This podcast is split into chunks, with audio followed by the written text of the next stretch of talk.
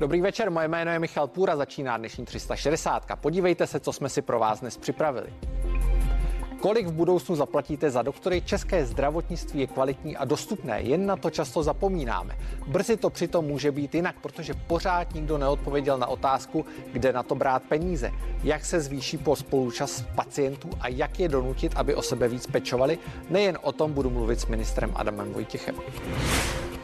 Američanka Katie Faust vyrůstala v takzvané duhové rodině. Teď jezdí po světě a upozorňuje na možná rizika výchovy dětí stejnopohlavními páry.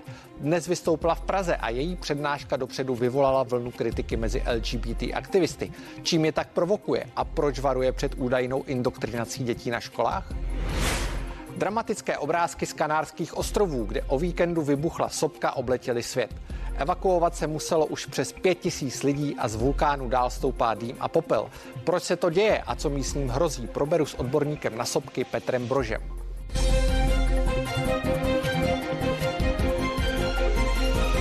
Když nám něco je, jdeme k doktorovi, na to jsme si asi už všichni zvykli, jenže český zdravotní systém má sám potíže a utrácí o hodně víc peněz, než do něj přitéká. Covid to všechno ještě umocnil. Reálně hrozí, že brzy budou chybět desítky miliard korun a Češi si budou muset zvyknout na to, že za péči zaplatí. Ve studiu je ministr zdravotnictví zahnutí Ano Adam Vojtěch. Dobrý večer. Dobrý večer. A proti němu bývalý náměstek rezortu, lékař a kandidát koalice spolu Tom Filip. Dobrý večer. Dobrý večer. Pane ministře, úplně první otázka na začátek, jednoduchá. Zdravotnictví je podle posledního průzkumu Medianu téma, které nejvíc zajímá voliče, nejvíc zajímá občany. 95% z nich. Eh, v jakém stavu se nachází po covidu? Má to poměrně náročný rok, více než rok. Eh, spousta výdajů, spousta zátěže zdravotnického personálu a podobně. Jak byste zhodnotil ten stav? Tak je pravdou, že to období bylo mimořádně náročné, bylo bezprecedentní. Eh, I zdravotníci samozřejmě eh, řadu věcí řešili poprvé. Nikdy jsme tady nezažili to, abychom měli vyblokované nemocnice eh, jednou diagnózou což ta doba taková byla. Ale na druhou stranu já si troufám tvrdit, že zdravotnictví vychází z té krize posílené. Je tady obrovská zkušenost na straně nemocnic z hlediska financování. Do zdravotnictví přiteklo bezprecedentně nejvíce peněz i samozřejmě masivním navýšením plateb za státní pojištěnce a eh, je tady spousta zkušeností v oblasti elektronizace a podobně. Se ukázalo skutečně, že to, o čem jsme mluvili před covidem, že potřeba elektronizace zdravotnictví, sdílet data, tak nám covid ukázal, že je naprosto jasná cesta a myslím si, že dneska už to všichni poznali, když si vzpomeneme na debaty o e-receptu, eh, jak se těžko prosazoval ten projekt, eh, nedokážu si představit bez e-receptu fungování zdravotnictví v době covidu. Takže to jsou všechno zkušenosti, takže já to vidím, byť ta zkušenost byla naprosto bezprecedentní a velmi náročná, tak eh, tam vidím už té posílení a možná i posílení eh, role a mm, prestiže zdravotníka. Podívejte se dnes na eh, data o zájmu o zdravotnické obory. Všichni hlásí skutečně masivní zájem ze strany mladých lidí stát se všeobecnými sestrami, lékaři, takže dívejme se na to i pozitivně. Pane Filipe, vy jste lékař, vidíte to zevnitř nemocnice, revmatolog, pokud se nepletu. Jak to vypadá? Je skutečně zdravotnictví silnější, říká pan ministr? Tak eh, já jsem revmatolog a rehabilitační lékař. Na druhou stranu vlastně celý ten půl rok, co eh, byla největší ta krize, tak to oddělení nebo ta klinika byla pře, předělaná na COVID, covidové oddělení, covidovou kliniku. Starali jsme se o pacienty s pneumoniemi, museli jsme se to naučit. Já si myslím, že jestli jsme se něco hodně naučili, tak je to to krizové řízení. Ří, řídit vlastně to zdravotnictví v určité krizi. Eh, nemůžu úplně pochválit ministerstvo, je mi to líto, protože někdy, ty, někdy byly ty, mm, ty příkazy trochu chaotické, hodně rychle se měnily, ale bylo vidět, že zdravotníci si dokáží poradit i v takové situaci, kdy to velení je prostě mnohdy ne úplně jasné. To znamená, že síla toho eh, a robustnost toho systému zdravotnického eh, a ta odanost tomu povolání, jak u lékařů, tak u sester, tak u dalšího prostě personálu je obrovská a díky tomu jsme to podle mě překonali. Eh, já na to maličko navážu, byť, byť trošku odbočím. Já jsem se koukal, jaké jsou ty zdravotnické výdaje v posledních deseti letech. Před deseti lety to bylo nějakých 200 miliard korun. David Rád, tehdy blahé paměti, říkal, že Kdyby se měli o 100 miliard korun ve zdravotnictví více, tak bychom si mohli dovolit cokoliv. Teď je to 400 miliard korun zhruba, to bude asi víc maličko víc, teď to bude ještě maličko víc. Uh, Jsou ty peníze, byl by David rád spokojený, když tu otázku postaví, takhle jsou ty peníze účelně vynaložené, protože přece jenom stárne populace, vidíme spoustu problémů i v penzijním uh, systému.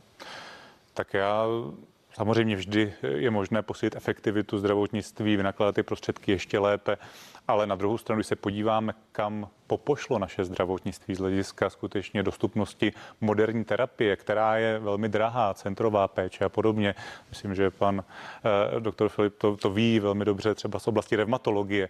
Tak eh, to jsou skutečně velké výdaje ale za cenu inovativní terapie, která je schopna prodloužit život lidem, zlepšit kvalitu života a to samozřejmě něco stojí. Takže já si troufám tvrdit, že za tu, tu dobu od eh, ministrování eh, pana Ráta eh, ty peníze určitě obrovsky narostly. Dneska jsme skutečně někde ke 430 miliardám korun výdajů, což je naprosto bezprecedentní. V tomto roce podle všeho překročíme i 10% HDP vynaložených na zdravotnictví. To byla vždycky taková mantra.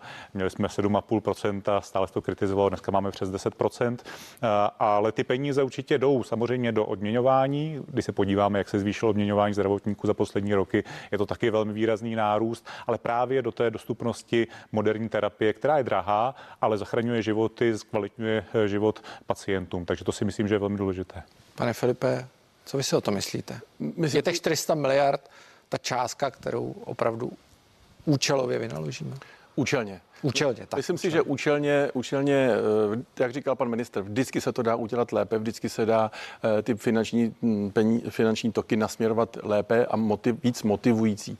Nicméně eh, za pana ministra Ráta jsme měli té biologické léčby, o které mluvil pan minister X, a dneska máme mnohonásobně víc. Dneska jako lékař mohu říct, že eh, tak, jak v té době jsem nemohl předepsat prostě ten lék, protože nebyl finančně dostupný, tak dneska už víceméně eh, se řídím pouze pravidly SUKLu, to znamená pouze tím, jestli ten lék je indikovan v, tom, v té konkrétní diagnoze a eh, v tom konkrétním případě. Čili v tomto směru si myslím, že občani můžou být opravdu spokojení, protože to, co mají dostat, dostanou. Co se týká zdravotníků, tak samozřejmě samozřejmě zase to zdravotnictví za doby pana, eh, pana ministra Ráta, eh, tam ty zdravotníci byli opravdu těžce podfinancovaní. V době, kdy jsem já byl na ministerstvu, jsme nastartovali vlastně to v období, kdy jsme začínali opravdu výrazně přidávat a bylo dobře, že se v tom pokračovalo dál, že se dál přidávalo prostě zdravotníkům, protože dneska eh, ty platy proti té době jsou opravdu někde jiná, jinde. Neříkám, že jsou v tuto chvíli už správně nastavené, ale určitě jsme se v tomhle taky posunuli.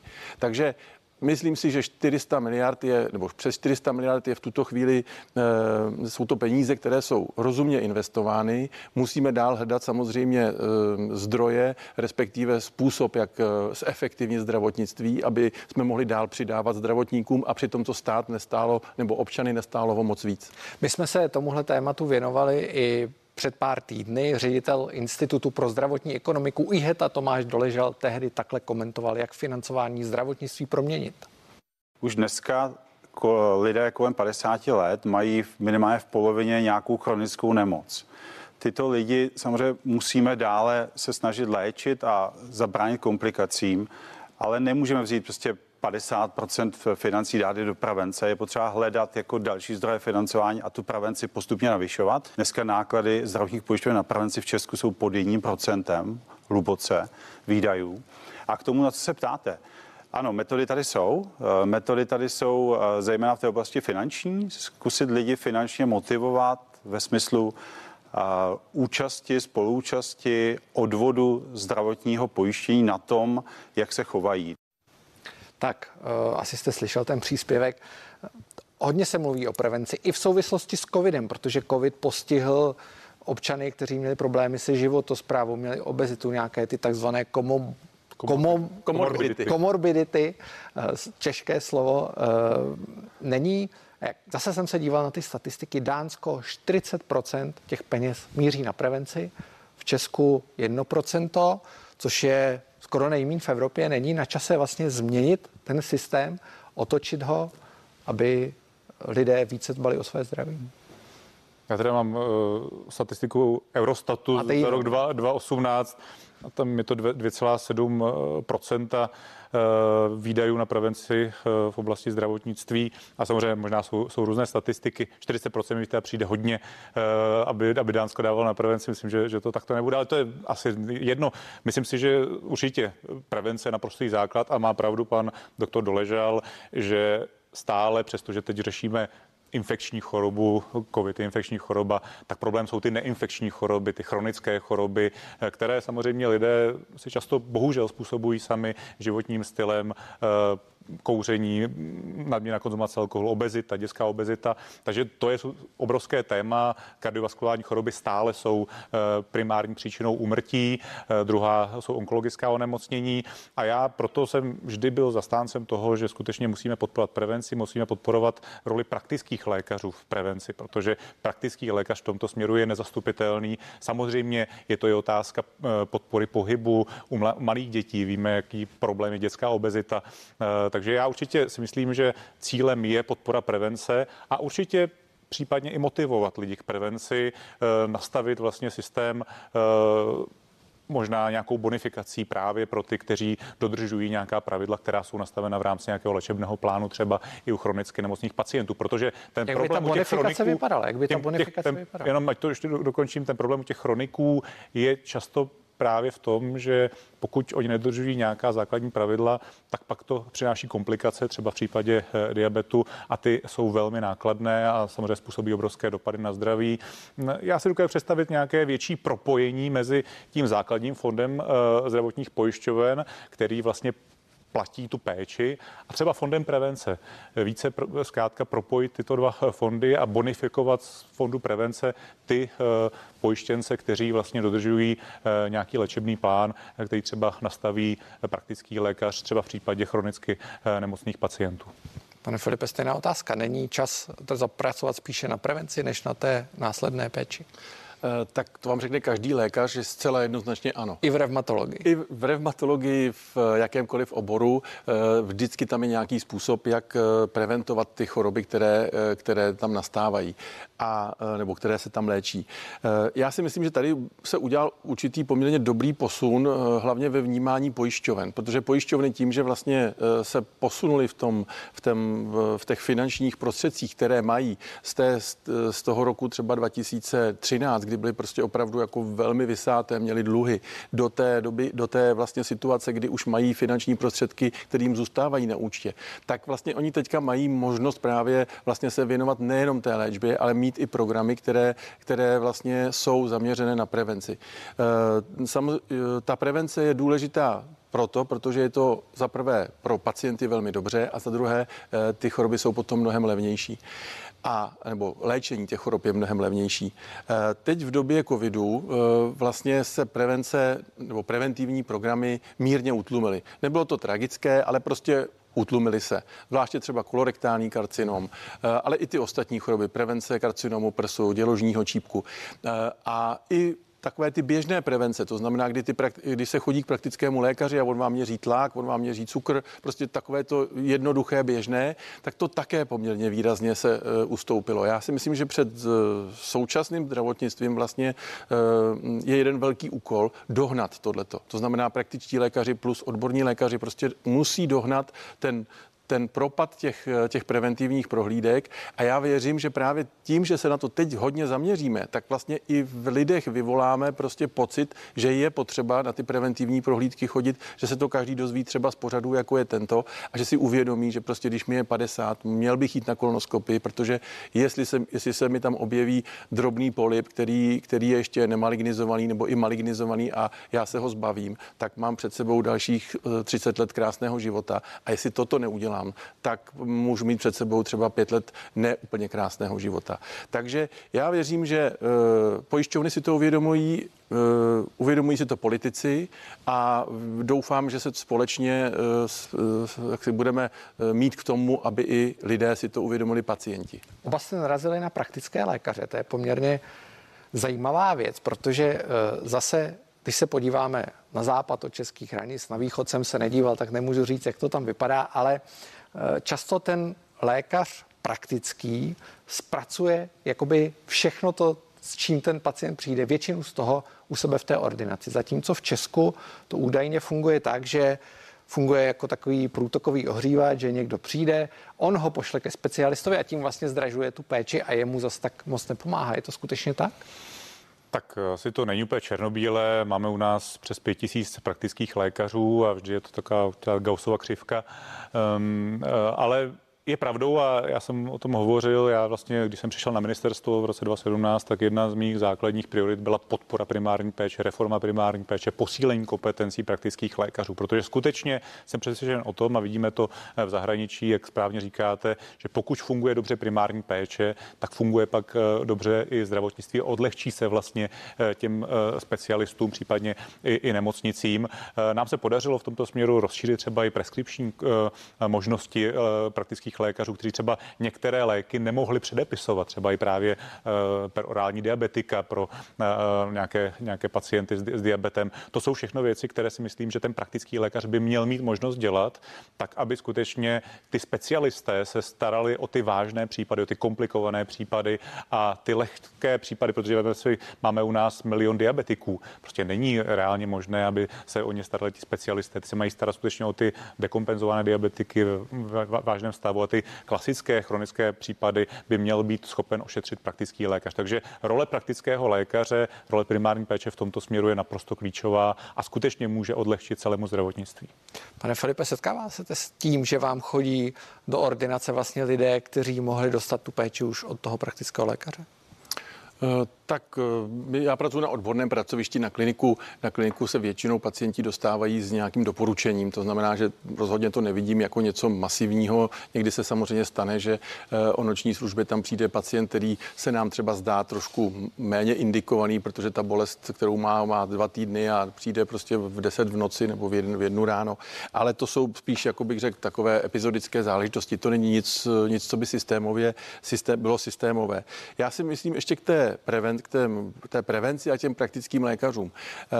Eh, tady, eh, tady je podle mě eh, potřeba zásadním způsobem otevřít ještě otázku elektronizace toho celého systému a elektronizace vlastně právě zvaní na, zvaní na preventivní prohlídky, nějakých připomínek. Prostě celkově vytvořit tu situaci, aby to nebylo o tom, že prostě ten lékař toho pacienta nevidí dva roky, tři roky, čtyři roky a pak teprve přijde ve chvíli, kdy už má nějaký, nějakou klinic, nějaký klinický problém. To znamená, začne se mu střídat průjem zácpa a on, už mu to je divný a pak se ukáže, že má, že má prostě karcinom. Takže já si myslím, že dalším krokem, kromě toho, že se posílí pravomoce praktických lékařů, což si myslím, že mají asi pravomocí v tuto chvíli docela dost, nebo tolik, kolik potřebují, tak je podle mě výrazné posílení elektronizace zdravotnictví a to jak v té primární péči, tak samozřejmě potom ještě v dalších okruzích, o kterých se asi budeme bavit.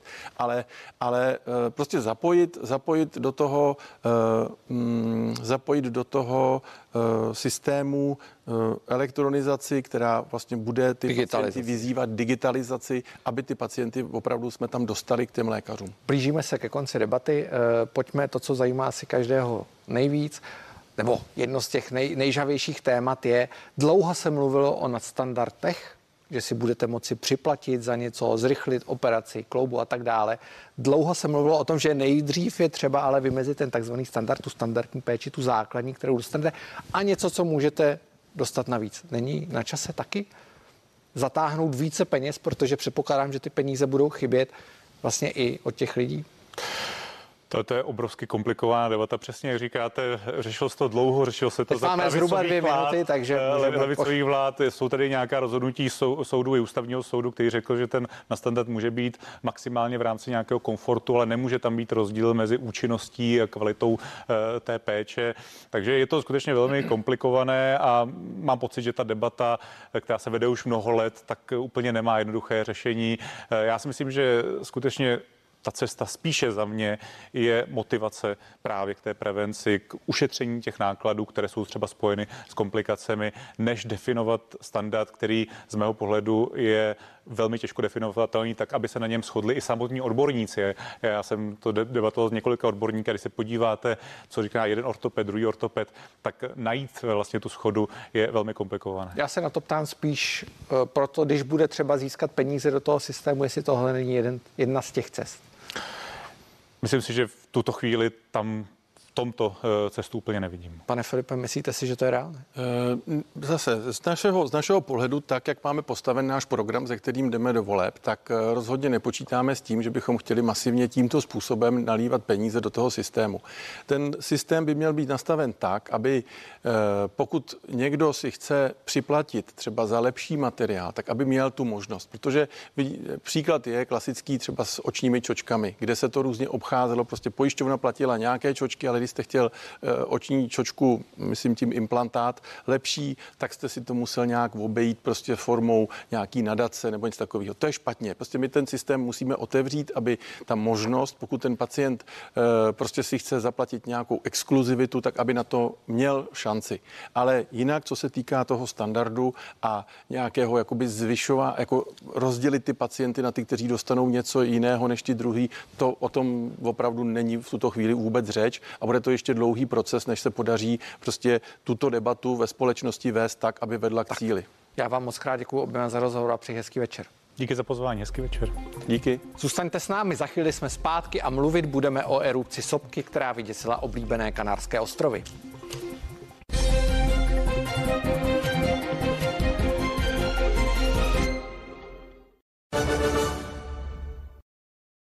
Matějovský Staráme se o pohodlí vašich domovů. Matějovský povlečení CZ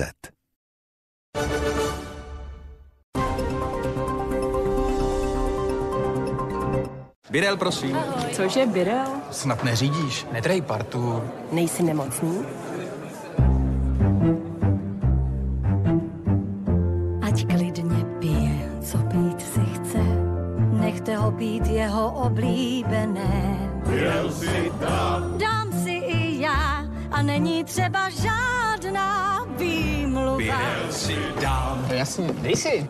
Vlastně dva. Birel, chuť zážitků. Je čas provětrat šatník. Buďte kreativní. Buďte svá. Překvapte svým vlastním stylem. Inspiraci najdete v pondělní nabídce Lidlu, která vám přináší tyto cenové trháky. Pohodlné džegíny za skvělých 149 korun. Legíny dva kusy rovněž za 149 korun. Nebo triko s dlouhými rukávy za pouhých 79,90. Lidl Plus ceny mínus. Co pro vás znamená zdraví? Úlevu od bolesti? Možnost volného pohybu? Potřebu chránit sebe a své blízké, ať už je to cokoliv, pomůžeme vám. Proto máte s kartou Benu Plus bez doplatku léky na diabetes, inzuliny, cholesterol, astma a chopn a nově i antidepresiva. Benu, vaše zdraví si bereme na starost.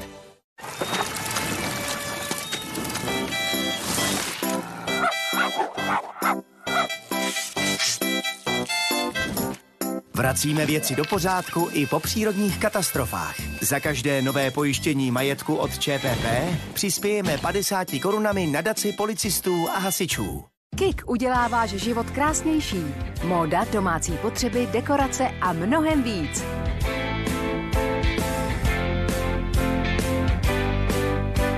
Kromě toho šik dámské legíny jen za 129 korun nebo rostomilé dětské džíny také jen za 129 korun. Pouze do vyprodání zásob. Kik cena mluví sama za sebe. Pod našimi křídly najdete vždy tu nejlepší nabídku. Beta-glukan Imu Plus s vitamínem D za 299 korun a při akutní středně silné bolesti i Balgin Plus za 99 korun. Benu, vaše zdraví si bereme na starost. Hmm. Jste v cíli.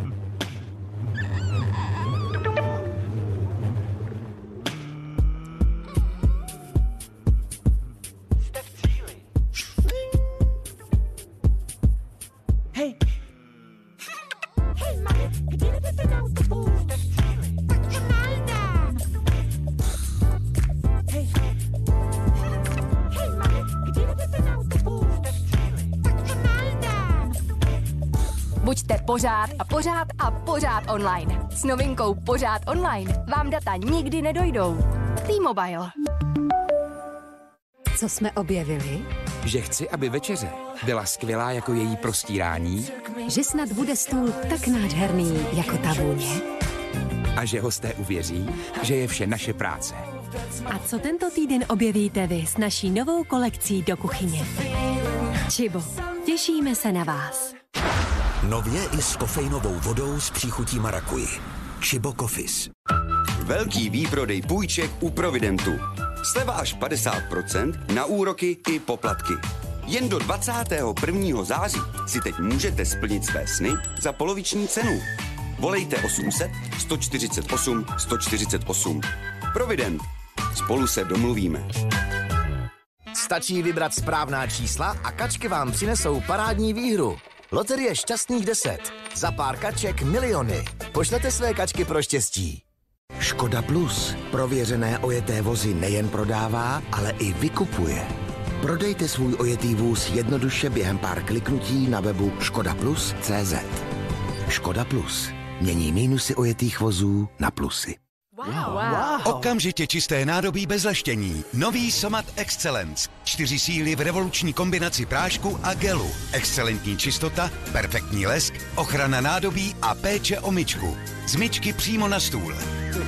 Přejděte na Somat Excellence. Revoluce pro excelentní čistotu a lesk. Katko, ty pracuješ na recepci ve zdravotním středisku. Jak to, že nejsi nemocná? Já se nachladím a jsem hned nemocná. Jak to děláš? Beru detritin. Detritin? Ano, pro lepší imunitu. Detritin pomáhá udržovat normální funkci imunitního systému. Žádejte v lékárnách. Micelární voda Nivea Hydraskin Effect odstraní nečistoty i make-up a hydratuje pleť díky micelární technologii a čisté kyselině hyaluronové. Vyzkoušejte micelární vodu Nivea, kterou by 8 z 10 žen vyměnilo za svou stávající. Objevte i novou textilní masku pro intenzivní hydrataci již za 10 minut. Nivea Hydraskin Effect. Až budu velký, tak budu vynalézat super auta. Budou lítací a bude v nich kino. A vejde se tam celá naše třída. A myslíš, že je to možné to spojit všechno takhle dohromady, jo? Tati, technologie dokáže zázraky. Neomezená fantazie si zaslouží neomezené možnosti už dnes. Stačí si pořídit neomezená mobilní data, pevný internet a digitální televizi ve výhodném spojení. Together we can. Budou nafukovací. A to ještě nikdo nevymyslel tohle, ale... Proto jsem to vymyslel. Ty nejsi vznětlivá. Ty jsi vášnivá. Ty nejsi nedočkavá. Ty to chceš vědět. Ty nejsi výstřední. Ty si dopřáváš. Merci jedinečné tabulkové čokolády. Merci. Pro tebe.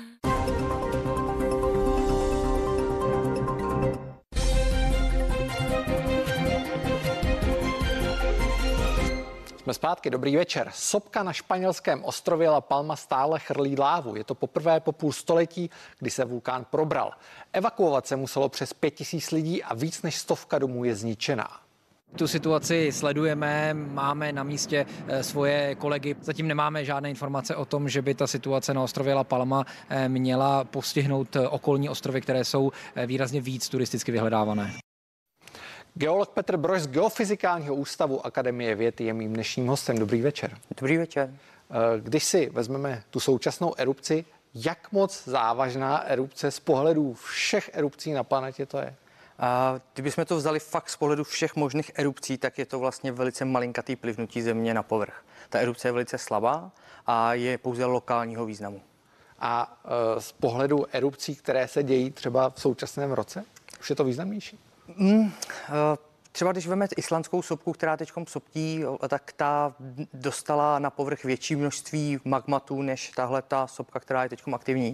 Takže i z pohledu tohle to ještě to není jako nic extra velkého. Co je tady mnohem větší problém, je ale místo, kde k tomu došlo. Zatímco na Islandu se vám láva rozlila uprostřed ničeho, takže se tam pouze zaplavují mechy a lišejníky, tak tady vám vlastně láva začíná vytékat na svahu sopky, kde, kde máte spoustu infrastruktury, máte tam spoustu budov a vlastně ta láva směřuje směřuje směrem dolů, z kopce dolů, strašná věta, ale máte tam vlastně postavený domy a to je ten důvod, proč je tahle ta sopka mnohem jakoby ničivější. Jak je možný, to jsem se na to zrovna díval, jak je možný, že ty domy stojí vlastně na okraji sopky, která je aktivní, která naposledy vybouchla v roce 71, což není zase tak dlouho. Protože je to turistický ráj, a máte tam spoustu lidí, kteří si chtějí užít spoustu sluníčka a vlastně mně to osobně přijde, že hrajete prostě loterii. Postavíte si dům na svahu sopky a doufáte, že jestli ta sopka někdy v budoucnosti bouchne nebo z ní vyteče láva v našem případě, takže váš dům to nezasáhne. Koukal jsem se na ty exploze 1949, 1971, 2021 opakují se poměrně pravidelně, když to tak vezmeme. Eh, dá se očekávat nějaká větší exploze? Může dojít k něčemu, co bude skutečně o dost zásadnější? Tohle to je čistě spekulativní věc, protože eh, když se dneska podíváte na data, který máte, tak eh, vlastně chvění v podzemí se nějak nezvětšuje. Pardon, proč chvění? Protože když se vám magma dere k povrchu, tak ono hýbe těmi horninami, protože odtlačuje a celý se vám to začne chvět. Stejně tak my nepozorujeme nějaký markantnější, nějaký významnější vyboulení toho povrchu. Proč zase vyboulení? Si představíte sám magma, tak by se vám to celý vlastně muselo vyboulovat. A nevidíme tam teď, že by docházelo k nějakému obrovitánskému nárůstu. Takže nic nenasvědčuje tomu, že by se ta erupce měla nějakým způsobem změnit a stát se mnohem více objem, co se týče objemu, mnohem větší. Já se na to ptám, protože existuje článek, o kterém jsme se krátce bavili před natáčením z roku 2001, který varoval eh, před super tsunami ve chvíli, kdyby explodovala přesně tato sopka a vyvrhla by nebo sesulo by se asi 500 kilometrů krychlových horniny, což by údajně mohlo způsobit několik desítek metrů vysokou vlnu, která by smetla Portugalsko, východní pobřeží Spojených hmm. států. Eh, je ta obava reálná, nebo ten článek tak trošku plave na vodě? Spíš není. Spíš ten článek, že v době, kdy ten článek vycházel, tak se zdálo, že tohle, co tam pozorovali na místě, takže to odpovídá prostě pozorování. Nicméně další práce, který se snaží na tohleto navázat, tak ukázali, že ten zlom, který měl být, nebo který měl procházet vlastně celým tím ostrovem a měl umožňovat tenhle obrovský sesuv, tak se nepodařilo pořádně najít a zpětně dohledat. Takže dneska žijeme ve světě, kde si vědecká obec myslí, že vlastně mnohem pravděpodobnější jsou malinkaté sesuvy. Malinkaté oni by mohly být stále docela velké a způsobit lokální tsunami o výšce třeba několika metrů, ale nemůže vzniknout taková obrovitánská mega tsunami. Jak si to přiblížit? To nebezpečí samozřejmě vždycky existuje, ale je strašně malinkatý. Je to asi podobné, jako když stavíte barák a začnete se bát, že na vás padne meteorit. Jo, to nebezpečí tady skutečně je, ale že by k tomu mohlo dojít, je silně nepravděpodobné. Když se ještě jestli povídej, můžu navázat, povídejte, pardon, já to skáču. Když se podíváte po Atlantiku a podíváte se na usazeniny, které nacházíte ať už v mořích nebo na souši, tak nikdy, nikde není doložen takovýhle uh, vlastně záznam v sedimentech, že přišla obrovitánská tsunami a vyhodila velké množství materiálu prostě na to okolní pobřeží. Takže k tomu v historii Atlantiku, co víme, nedošlo. Je zvláštní, proč by k tomu mělo dojít zrovna teď. Vy jste specialista na mimozemské sopky, nikoliv na ty pozemské. Eh, jaký je rozdíl mezi pozemskou sopkou a mimozemskou sopkou někde na Marsu? Uh, Žádný a obrovský. Pardon, je to zase šalamounská odpověď. Je to dáno tím, že ty fyzikální procesy, které zatím běží, tak jsou vlastně podobný, nebo jsou stejný. Někde v hlubinách vám začne vznikat magma, to se dere na povrch a ono se vám rozleje. Tohle to bude všude stejná písnička. Jenomže problém je to, když to eh, magma začnete rozlévat na povrchu Venuše, na povrchu Marsu nebo na povrchu Země. Všude máte rozdílné podmínky. Když to vylejete na povrchu Venuše, máte teplotu 460 stupňů Celsia okolní atmosféry, takže ten proud nebude tak rychle chladnout. Když to na Marsu, tam máte teplotu, která je třeba minus 180 stupňů, začnete ho mnohem rychleji chladnout. Mění se vám gravitace, máte spoustu různých parametrů a dostanete se k tomu, že ta erupce ve výsledku pak vlastně probíhá úplně rozdílně.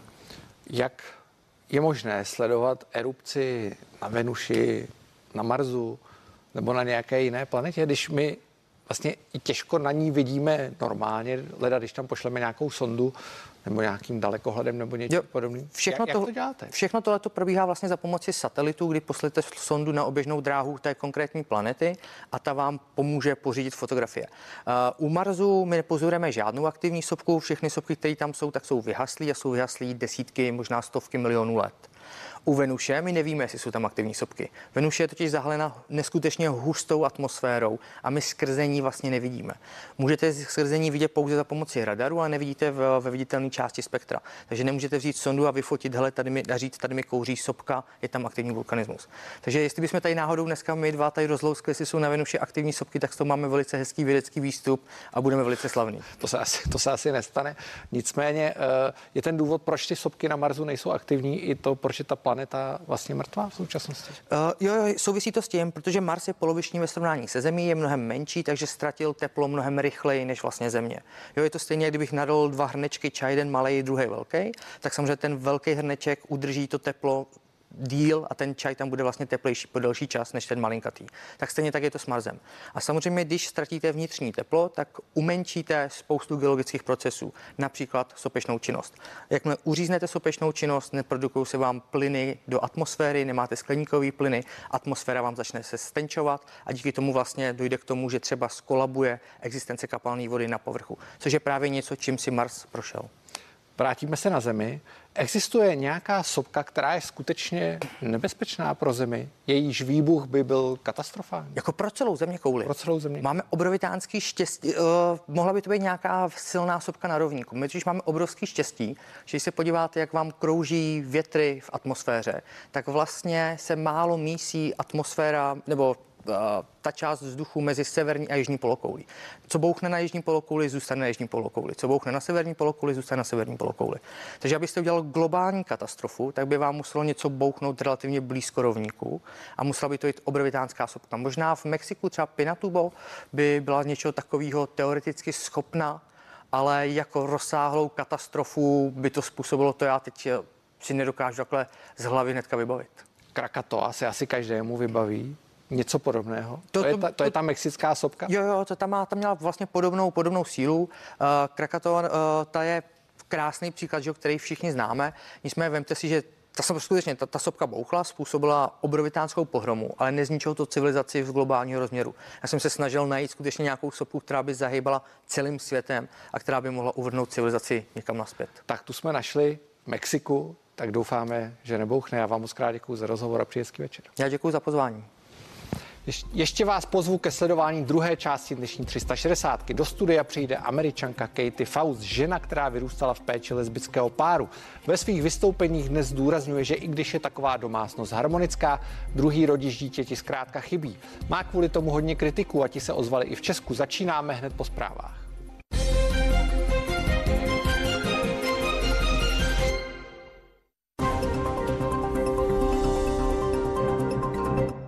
I v té nejmenší výzce můžeme být svědky té největší kauzy.